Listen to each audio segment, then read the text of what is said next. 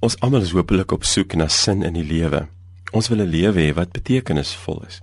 Ons wil die Here se hand maklik daarin kan raak sien. Ons wil dinge wat in ons lewe gebeur verstaan. Ons wil vir God kan vra, "Hoekom het dit gebeur?" En dan hoop ons hy sal vir ons 'n rede gee. Dan verloor ons baie keer perspektief. Die skrywer Christopher Wright het dit so gestel. Hy het gesê, "Ons vra, waar pas God in my storie in?" Maar die eintlike vraag om te vra is, waar pas my klein lewe in in die groot storie wat God besig is om te skryf? God is te groot om maklik sigbaar te wees in my klein lewe. Daar gebeur baie keer goed hier onder maans wat net nie sin maak tensy ek die plek daarvan in die hele geskiedenis van die heelal sou kon sien soos wat God dit wel kan doen nie. As ek hieroor dink, dan dink ek dikwels aan Jim Elliot se storie. Jim was 'n sendeling uit Amerika wat saam met sy vrou Elizabeth en 'n paar vriende die Amazone ingevaar het om 'n stam inboorlinge te bereik. En die stam het nog nooit die evangelie gehoor nie en hulle was wilde woeste kannibale. Jim het skaars aangeland toe vermoor hierdie inboorlinge hom. Sy vrou Elizabeth is terug Amerika toe en nadat sy getreur het, toe gaan sy terug na hierdie inboorlinge toe.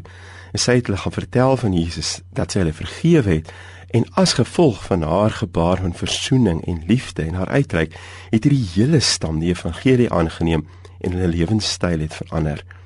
Ek was teenwoordig by 'n konferensie waar Elisabeth saam met van hierdie inboorlinge getuig het, letterlik saam met van die mense wat haar man vermoor het.